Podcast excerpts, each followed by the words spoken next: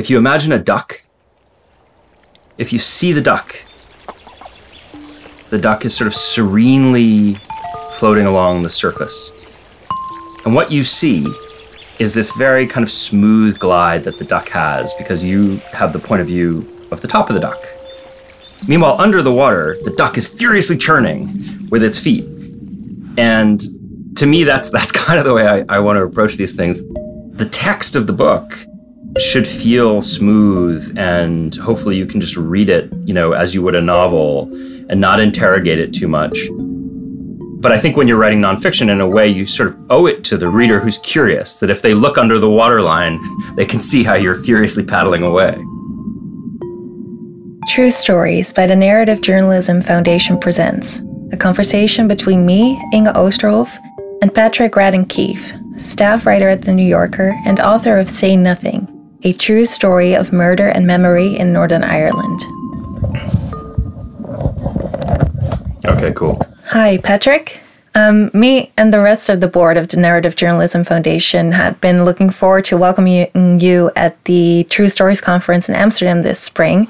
but then the pandemic happened. Um, so right now I'm sitting in a very nice utility closet at my parents' house uh, to record this. And maybe you can describe where you are sitting right now? I'm at home and just in my office in New York, where I've been uh, pretty much since February continuously. Well, I'm glad I still get to speak speak with you from across the Atlantic. Now, as a staff writer for The New Yorker, you write about true crime from across the world. You've written books about American security agencies and one about a female gang leader from Chinatown. But today we'll be talking all about your newest book, Say Nothing, which instantly became a New York Times bestseller and won the 2019 National Books Critics Circle Award for Nonfiction. Um, so I'm sure we can learn a lot from you. I think if you're all set, we can begin. For real? Absolutely. For those who haven't read Say Nothing yet, could you describe the central story just in a few sentences?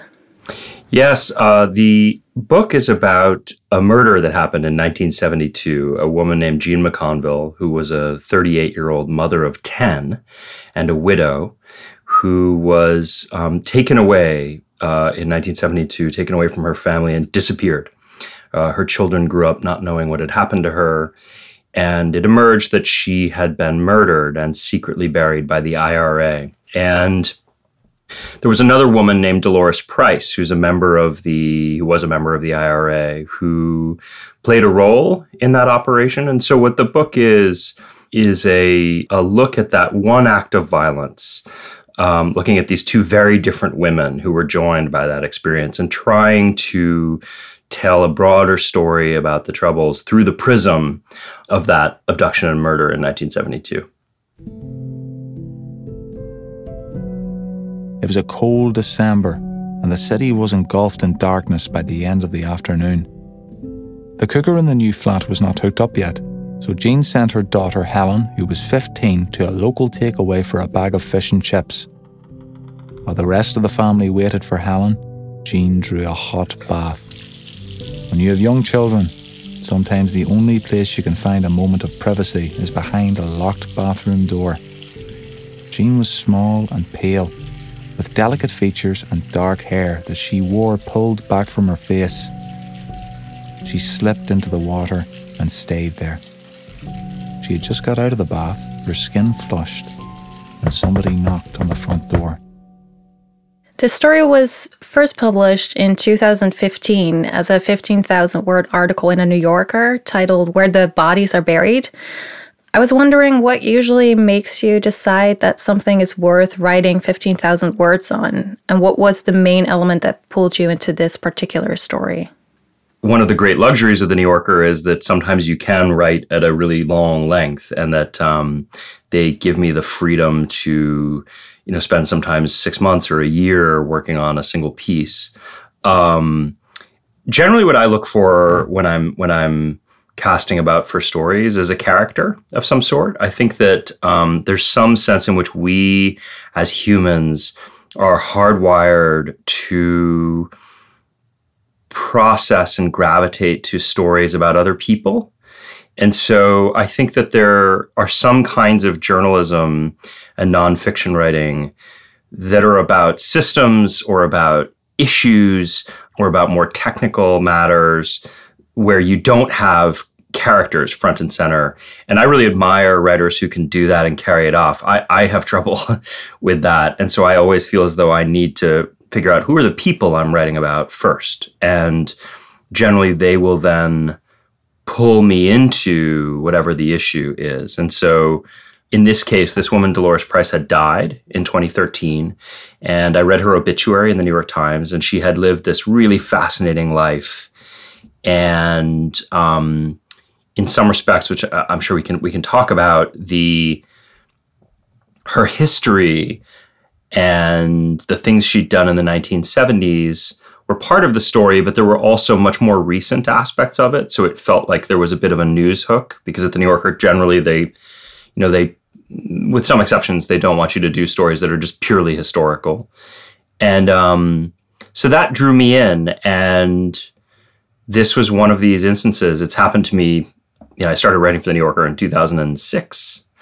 And this has happened to me exactly three times in the intervening years. Um, where I finished a piece and felt as though, oh, there's so much more there. There's more to explore. And so it was on that basis that I decided to expand that already rather long piece into a book. It's a murder mystery story, but in the article, you don't disclose the name of Jean McConville's murderer. And if I understand correctly, you didn't intend to do so in the book. Uh, you only found out who her murderer was at the very end of the process when everything was pretty much finished. What was your main reason for writing the book, or what questions did you hope to answer that you hadn't yet in the article? There's a dilemma that I often have when I'm writing where there's an efficiency to magazine writing where you sort of have to pick your story and, and decide the story you want to tell.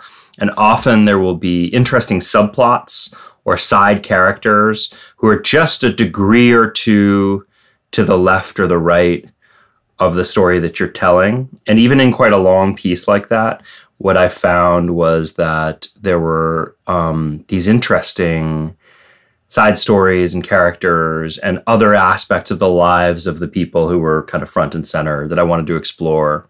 And then um, there were a set of themes. I mean, I was very interested um, in the case of Dolores Price in particular, uh, in the idea of political radicalism and the price. I mean, it's funny that her name is Price, but the price that one is willing to pay and the price that one is willing to extract from others in the name of achieving political change. And then I wanted to sort of look at how does that look over time? So if you meet somebody in their 20s in the throes of a violent revolutionary movement, um, what does it look like if they survive and you you check in on them again in their 40s and their 50s how do they feel about those things that they did when they were young and those questions were really interesting to me and i thought that there might be a way to tell a story of a handful of characters and sort of look at the you know the consequences of violence and the long-term aspects of political radicalism and how people feel about it once the period of kind of peak revolutionary fervor has passed who was one of those side characters that you really looked forward to diving into? So, an obvious one would be um, this guy, Brendan Hughes, who plays a, a small part in the article and a much bigger part in the book, but was so compelling to me as this guy who's right out there on the front lines. He wasn't really what you would call an intellectual, he was much more sort of instinctive in terms of his activity. He did a lot of terrible things when he was in the IRA, but he also lived this very adventurous life with prison breaks and um, uh, you know, fair, being in hiding in, in, in Belfast and a fair amount of excitement. And then much later in life becomes this quite tragic figure who looks back with a deep sense of misgivings about some of the things that he'd done when he was young. There's a plot line in the book about the biggest mole hunter in the IRA, the guy whose job it was to seek out the people who had turned and become informants for the British and kill them, and about the rumors about the biggest mole of all, who had this the code name that the British government gave this person was Stakeknife, and that didn't actually connect in a kind of first order way to the immediate story I was telling in the magazine article. It just wouldn't have really fit in the article. But it did connect in a way that was interesting to the larger story that I was trying to tell in the book. And so I was pleased to be able to work that kind of thing in. It happened so abruptly that none of the McConville children could say precisely how many there were. It was roughly eight people, but it could have been 10 or 12. There were men and women. Some had balaclavas pulled across their faces. Others wore nylon stockings over their heads, which twisted their features into ghoulish masks. At least one of them was carrying a gun. As Jean emerged, pulling on her clothes, surrounded by her frightened children, one of the men said gruffly, Put your coat on. She trembled violently as the intruders tried to pull her out of the flat. What's happening? she asked, her panic rising. That was when the children went berserk. Michael, who was 11, tried to grab his mother. Billy and Jim threw their arms around her and wailed. The gang tried to calm the children, saying that they would bring Jean back. They just needed to talk to her. She would be gone for only a few hours. Archie, who at 16 was the oldest child at home, asked if he could accompany his mother wherever she was going, and the members of the gang agreed. One of the most striking things about this book, aside from the story, is a number of notes you've included in the back, which I believe cover about 100 pages in total. And in these notes, you link it back to its original source or place it within a broader discussion. Why is it so important to you to so openly and painstakingly include notes for every single thing you mention in the book? Two aspects of what we do as narrative nonfiction journalists are a bit in tension. There's reporting and the messiness of the truth on the one hand, and then there's um, the kind of smooth turns of a well told story on the other. And I think those two things are in tension and they'll always be in tension. And I sometimes think when people talk about true crime, it's a genre born in sin because most people would argue that the the genre as we discuss it today was born with In Cold Blood by Truman Capote, which um, started out as a multi-part series in the New Yorker.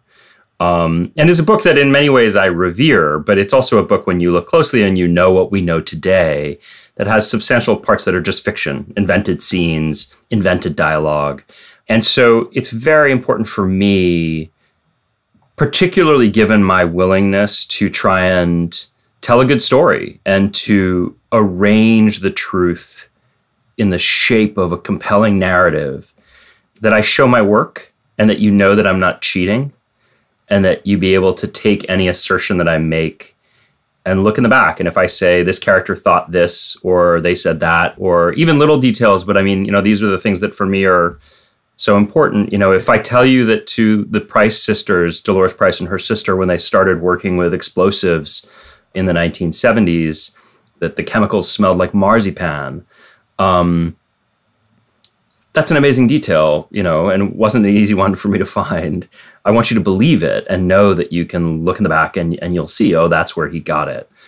I, I sometimes think with the New Yorker that there's an image that I quite like somebody once used to describe a certain kind of writing if you imagine a duck, and the duck, if you see the duck, the duck is sort of serenely floating along the surface. And what you see is this very kind of smooth glide that the duck has because you have the point of view of the top of the duck, the part that's out of the water. Meanwhile, under the water, the duck is furiously churning with its feet. And to me, that's that's kind of the way I, I want to approach these things. The text of the book should feel smooth and hopefully you can just read it, you know, as you would a novel and not interrogate it too much. But I think when you're writing nonfiction, in a way, you sort of owe it to the reader, the reader who's curious, that if they look under the waterline, they can see how you're furiously paddling away.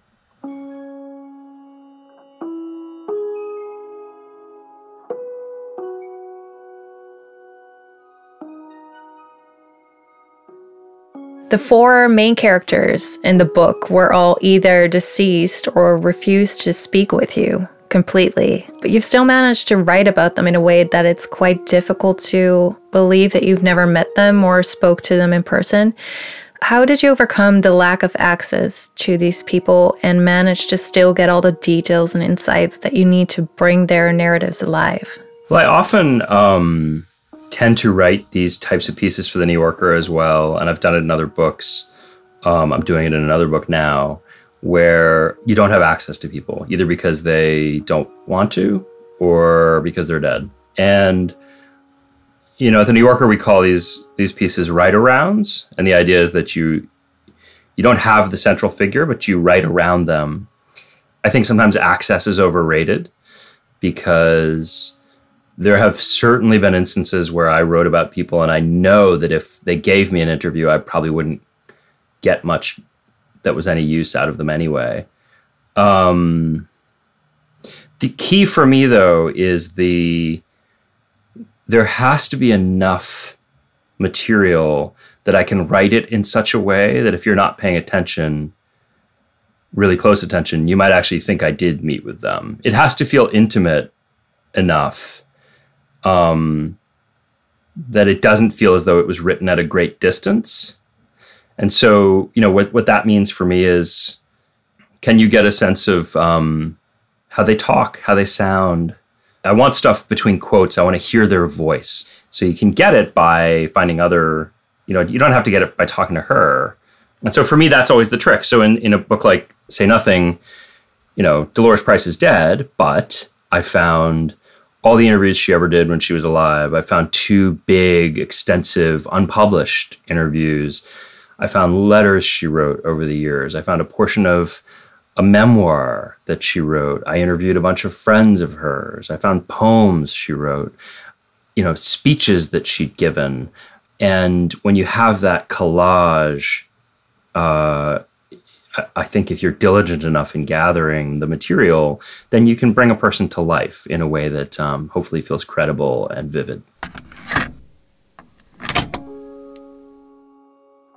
There are a number of instances in which I had her voice but the one that was really incredible was that um, there was a audio documentary about this women's prison, Armagh jail, where she was housed.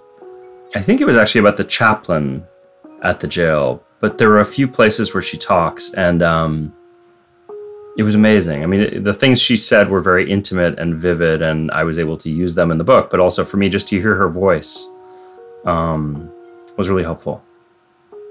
There, there's a place where she talks about her the relationship between her force feeding uh, when she was on hu- her hunger strike and her force feeding, and then the way that gave rise to um, her own uh, anorexia later in life, and the way in which her what would be a kind of normal relationship with food was sort of broken in the process of a hunger strike. And she struggled th- for the rest of her life to try and um, kind of establish a, you know, an unproblematic relationship with the whole process of nourishment. And so she talks about that in an amazingly moving, articulate way. After the hunger strike and the force feeding, and all of the psychological damage that that I have subsequently discovered created. We never, we didn't ever have a normal relationship with food or eating or all of that process of because to convince yourself that if you eat you're going to lose or you're you've been defeated or you have you know you've given in or you have shown weakness or um, so you convince yourself of that when you're when you embark on a hunger strike. You have to convince yourself of that because your body is telling you it wants food and you're telling your body no you can't have food because you know it's for your own good. That you know we will not win this struggle if i give you food. So you so there you're setting up a, a very difficult um, mindset, which has to be rock solid, or you will eat food because you know that's what that's what the body does. That's what we do. We eat food and then we live.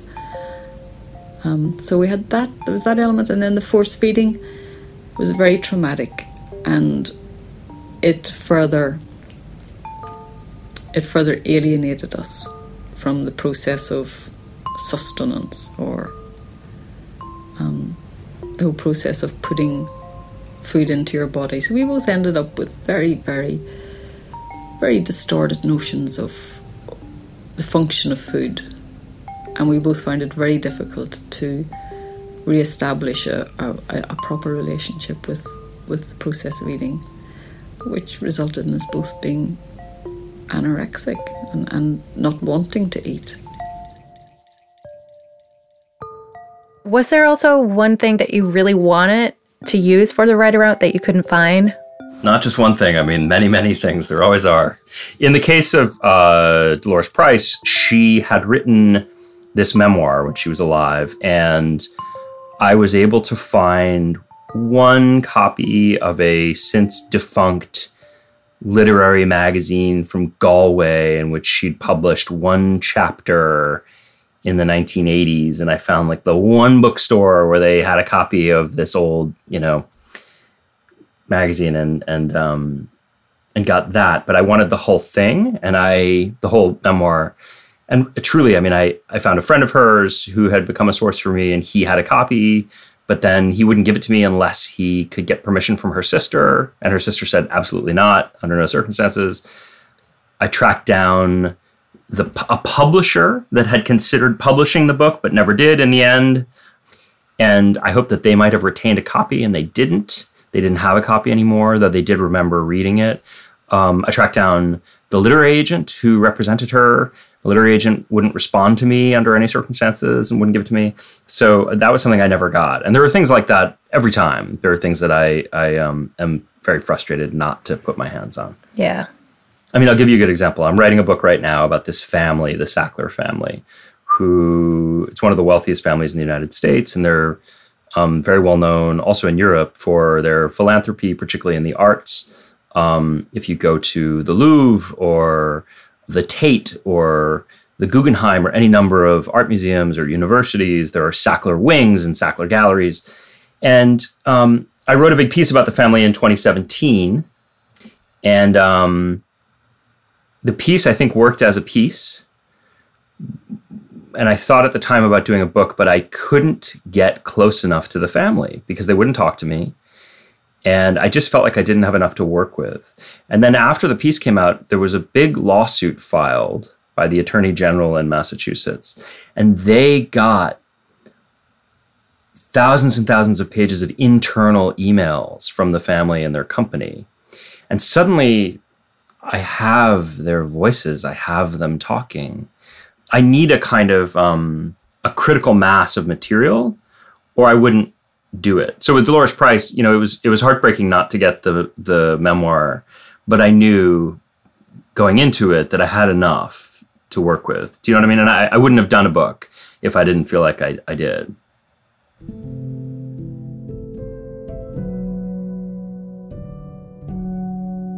Divis Flats was a nightmare from an Escher drawing, a concrete warren of stairways, passages, and overcrowded flats.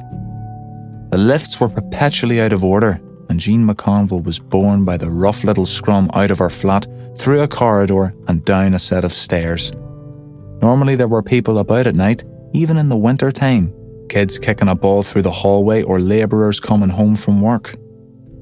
But Archie noticed that the complex seemed eerily vacant almost as if the area had been cleared. There was nobody to flag down, no neighbour who could sound the alarm. He kept close to his mother, shuffling along, and she clung to him, not wanting to let go. But at the bottom of the stairs, a larger group was waiting, as many as 20 people, casually dressed and masked with balaclavas. Several of them had guns a blue Volkswagen van sat idling at the curb, and now, suddenly, one of the men wheeled on Archie, the dull glint of a pistol arcing through the darkness, and pressed the tip of the barrel into his cheek. Archie froze. He could feel the cold metal pressing into his skin. He was desperate to protect his mother, but what could he do? He was a boy, outnumbered and unarmed. Reluctantly, he turned and ascended the stairs.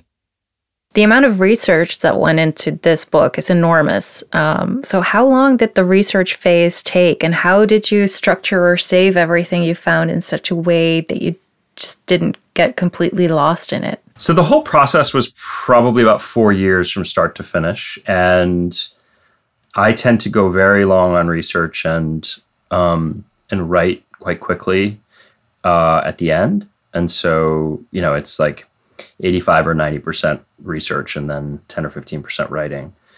But because there is a lot of research, I'm always outlining. I'm a very neurotic, kind of compulsive outliner. There's the old question that writers get about how do you confront the fear of the blank page.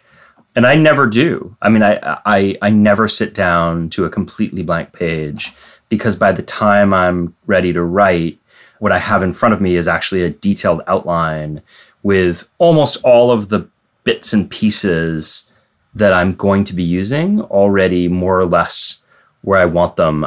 It's a bit like um, when chefs talk about their mise en place, that they have their different sauces and their you know minced vegetables and all their ingredients to hand so that they don't actually have to move around um, when they compose a dish they can just be reaching and it's all right there waiting for them and i would find it very disruptive to my writing. I don't think I could do it if I was forever having to put down the computer and go pick a book off the shelf or start furiously hunting through my notes. And that then allows me to sort of see the book or the chapter or the article as if from 30,000 feet to kind of see, well, what's the story I'm telling here? And what are the pieces that I want to introduce where? You have all these interviews, some of them are two, three hours long how do you process that information? And there I have what may be a somewhat unorthodox approach, and I know it's one that um, some of my colleagues at the New Yorker find appalling. But I don't transcribe every interview and then carefully go over the notes again and again and again. What I do is I, I do the interview um, as often as possible. I will record it, but I also take notes as I go. And then um, sometimes when I'm doing the interview, I'll actually hear something in real time and I just put a star in the margin because I know that's going in the piece or that's going in the book. But other times, what will happen is I'll just put it aside when I'm done. And the next day, I'll think, what do I remember? What are the four or five things that stand out to me? You know, if I were to tell my wife over dinner about the interview that I did that morning, um, what what are the the kind of greatest hits that I would recount to her. And usually those are the things that end up making their way in. It's not a perfect system, and I do think it's important to go back over your notes and and I certainly do because you can always miss things. But as a kind of first filter, I find that one's own memory is actually a pretty good guide. And if it's the little anecdote or the particular line that somebody told you that you have an urge to tell your friend about or your roommate or whoever it is, that's a pretty good sign that that's probably also the thing you should convey to the reader. You spent months just outlining and structuring before even putting a word to paper. What does that process look like? What are you doing in those months? It's this question of sort of when do you deal out which card, right? So you have all this information and it's all about the sequence of when you when do you introduce this character? When do you introduce that character? There's this big set piece. When should that happen? Um, you have to flash back at some point. So do you start in the past or do you start in the present and then flash back? And all of that happens in the outlining phase for me. And usually it starts with just if it's a piece it starts with just like what are the eight big beats here? And what is a beat exactly it's funny because it's a I do, I do some screenwriting and it's a it's a very screenwriting term to use beats. But the um you would say the story beats you know it's like what's the time and the place who are the characters when do you introduce them when are the big reversals when are the big reveals? And so I'll I'll sort of take those moments and then those become these these nodes around which the rest of the story populates. And so I think a lot about mixing up the texture of the storytelling. So I don't want too much of any one thing for too long. I don't want to give you huge, dense blocks of historical exposition. You know, if you haven't heard a voice in a while and seen something in quotes, um, I want to introduce something like that. If you haven't seen an image, I want to give you something in your mind's eye to see There's nothing I hate more than the moment in a book or in an article when someone says, But first, a brief 10,000 words on the history of plate tectonics. When they kind of take all of the homework that they did and just like serve it up to you as homework so that it feels like homework for you too. And so the question for me is how do you hide that stuff? How do you sort of deliver it in a way that doesn't feel like homework? How did you do that in this story? Because obviously, like the broader context of the Troubles is such a vast and complex history. How did you decide which pieces of that history to include and which to leave out? That was really, really hard. I, I just, um, it was a huge struggle all the way along. You can get a kind of vertigo. Like what you, when, once you once you start engaging with the literature, you suddenly realize how little you know, and how vast the the history is, and how complex. And um, a big part of the challenge was gaining the confidence to know that there were stories I didn't need to tell. I think there's this dangerous tendency in a lot of nonfiction, particularly journalistic nonfiction, to do the homework and then feel like, well, because I did the homework, I need to show you I did the homework. And for me, a big part of the trick is you, as the writer, need to know all this stuff. I do think that it was important that I read 100 books on the history of the Troubles in order to write Say Nothing. It is not important at all for the reader that I give you a little summary of every single book I read. So some of it is the kind of license is is feeling like you have the license to say you don't need to hear about this from me. If you're interested, go to the endnotes, go to the bibliography. There's other places you could read about it, but this is sort of outside the scope of my story. You know, I had a few tricks for distilling that kind of history. One of them was just that I was very focused on my characters, on these this central quartet of people and so I had a sense that if it didn't affect them in a direct way, if they didn't see it firsthand, then you probably didn't need to know about it. And so that allowed me to leave a lot of stuff out. The story really comes alive through these very visually detailed scenes. For example, uh, starting with the abduction of Jean McConville or scenes of the Price sisters being force fed in prison.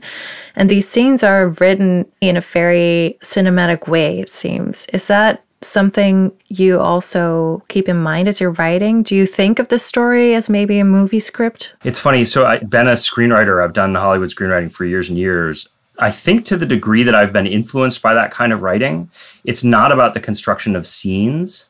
The one sense in which I would say I've been very influenced by screenwriting is editing. These questions of when you get into a scene and when you get out of the scene. And the old adage in Hollywood for screenwriters is that you want to um, get into a scene at the last possible minute and out of it as early as you can. And realistically, like a, a four page scene in a screenplay, a four minute scene in a movie is a really long scene. So there's a kind of compression that has to happen. And then the idea is you're compressing and then you're juxtaposing these scenes. So you're cutting, always cutting away. And the cutaway is an area in which my screenwriting has definitely influenced my nonfiction writing. Could you give an example of a scene where you applied that? In Say Nothing, there's a moment where there's a car bomb about to detonate in London, and the clock is ticking down, and we know that it's going to go off. And I read as I was as I was going through contemporaneous accounts of this that a school bus had pulled up as the bomb is about to go off, and um, all the kids are there for a field trip, and they file off the bus and then almost immediately, cops come running and say, Get out of here, get out of here. And the children all run away to safety. And in a chapter in which I'm, I'm cutting quite a lot from different points of view, that's just a single moment. I think in a newspaper article, it was like a paragraph. But what I was able to do is by introducing that at the end of a section and only doing the part where, you know, the bomb is ticking down, a school bus pulls up, the kids start filing off and then cut, new section, and we're somewhere else. And the hope is that for the reader, if there are enough moments like that built in, it just helps with the momentum, right? That there's that you want to find out, you know, did the kids survive? And any one instance of that sounds kind of cheesy in the telling, but I think if you do that enough and it's just kind of built in that you don't always have to finish a thought, you can sort of introduce the thought and then cut away I feel like on some level that's what good movies are built on, and and it's it's it's a fun thing to try in nonfiction.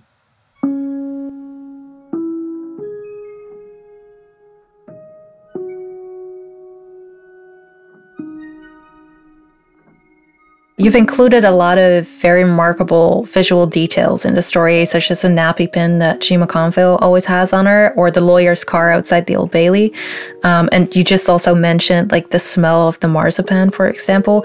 Are you purposely looking out for all those specific visual and sensory details in your research? Always, yes. Um, I mean, those are the. Um, to me, that's the whole thing. Uh, is finding those, and it's often a very low yield process to go through huge amounts of research in order to to collect one of those.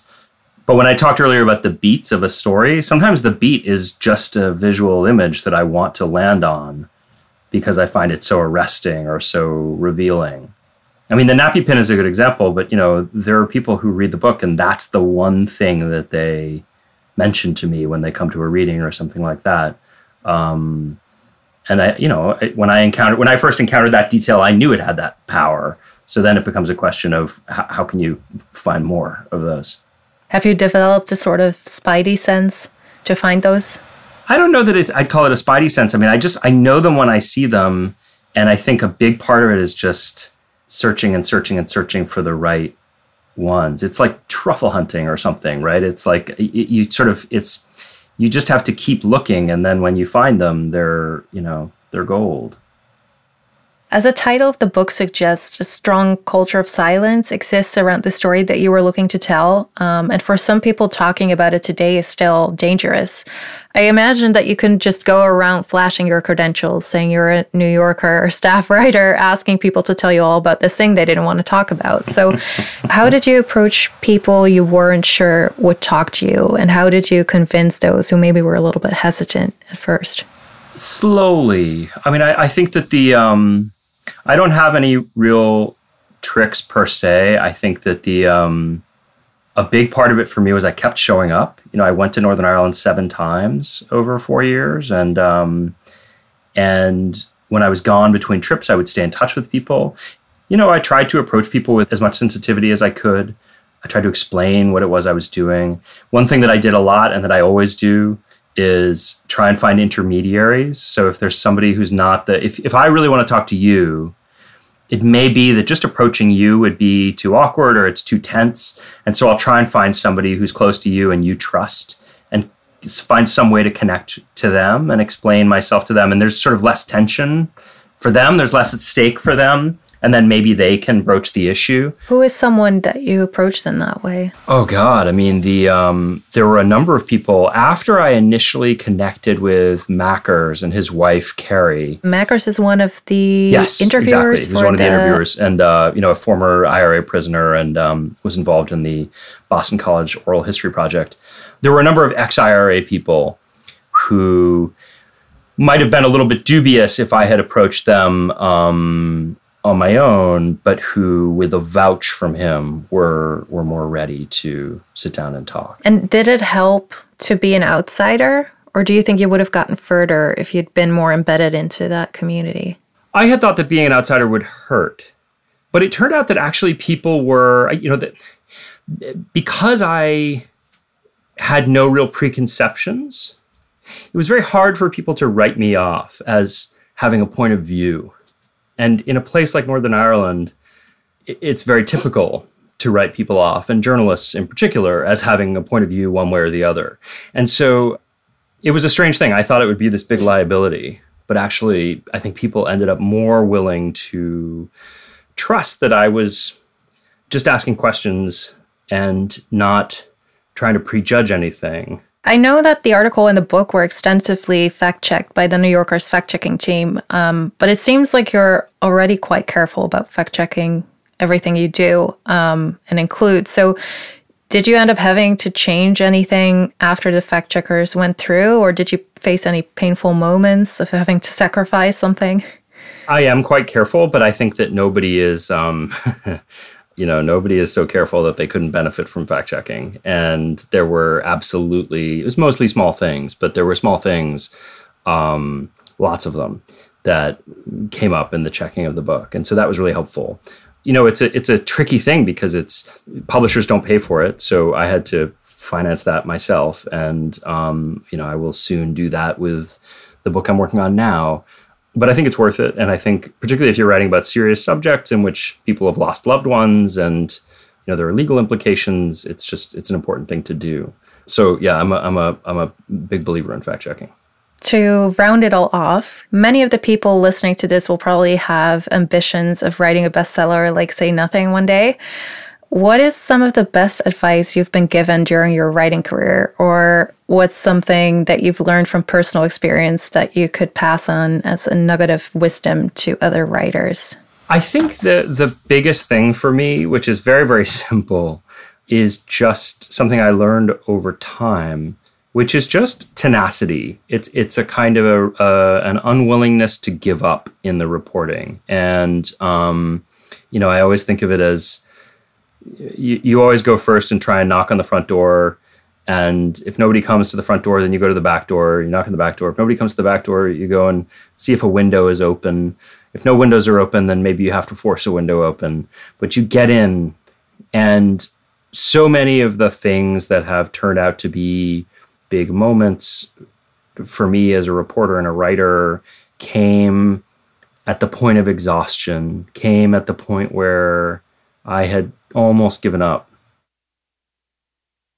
All right. Well, thank you so much. Thank you. And uh, I look forward to reading your new book. Oh, thank you so much. Well, this is a pleasure. Bye bye. Bye bye. This True Stories podcast was made for the Narrative Journalism Foundation, which aims to support Dutch journalists who want to improve their skills in working in a narrative form. The Narrative Journalism Foundation receives support from the Democracy and Media Foundation Pictoright, Lira Reprorecht, the University of Amsterdam, and the Evans Foundation. This conversation was hosted by me, Inge Oosterhof, editing, sound design, and mixing by Wederik de Bakker, research by me, Inge Oosterhof, Roos van der Lind, and Evelien Kunst. Our executive producers are Judith Eigenman and Laura Das. Senior production by Evelien Kunst. Music by Chad Crouch. With audio excerpts from Penguin Random House Audio and the radio documentary The Chaplain's Diary by Lorelei Harris for RTE Radio 1. Find out more on truestories.info.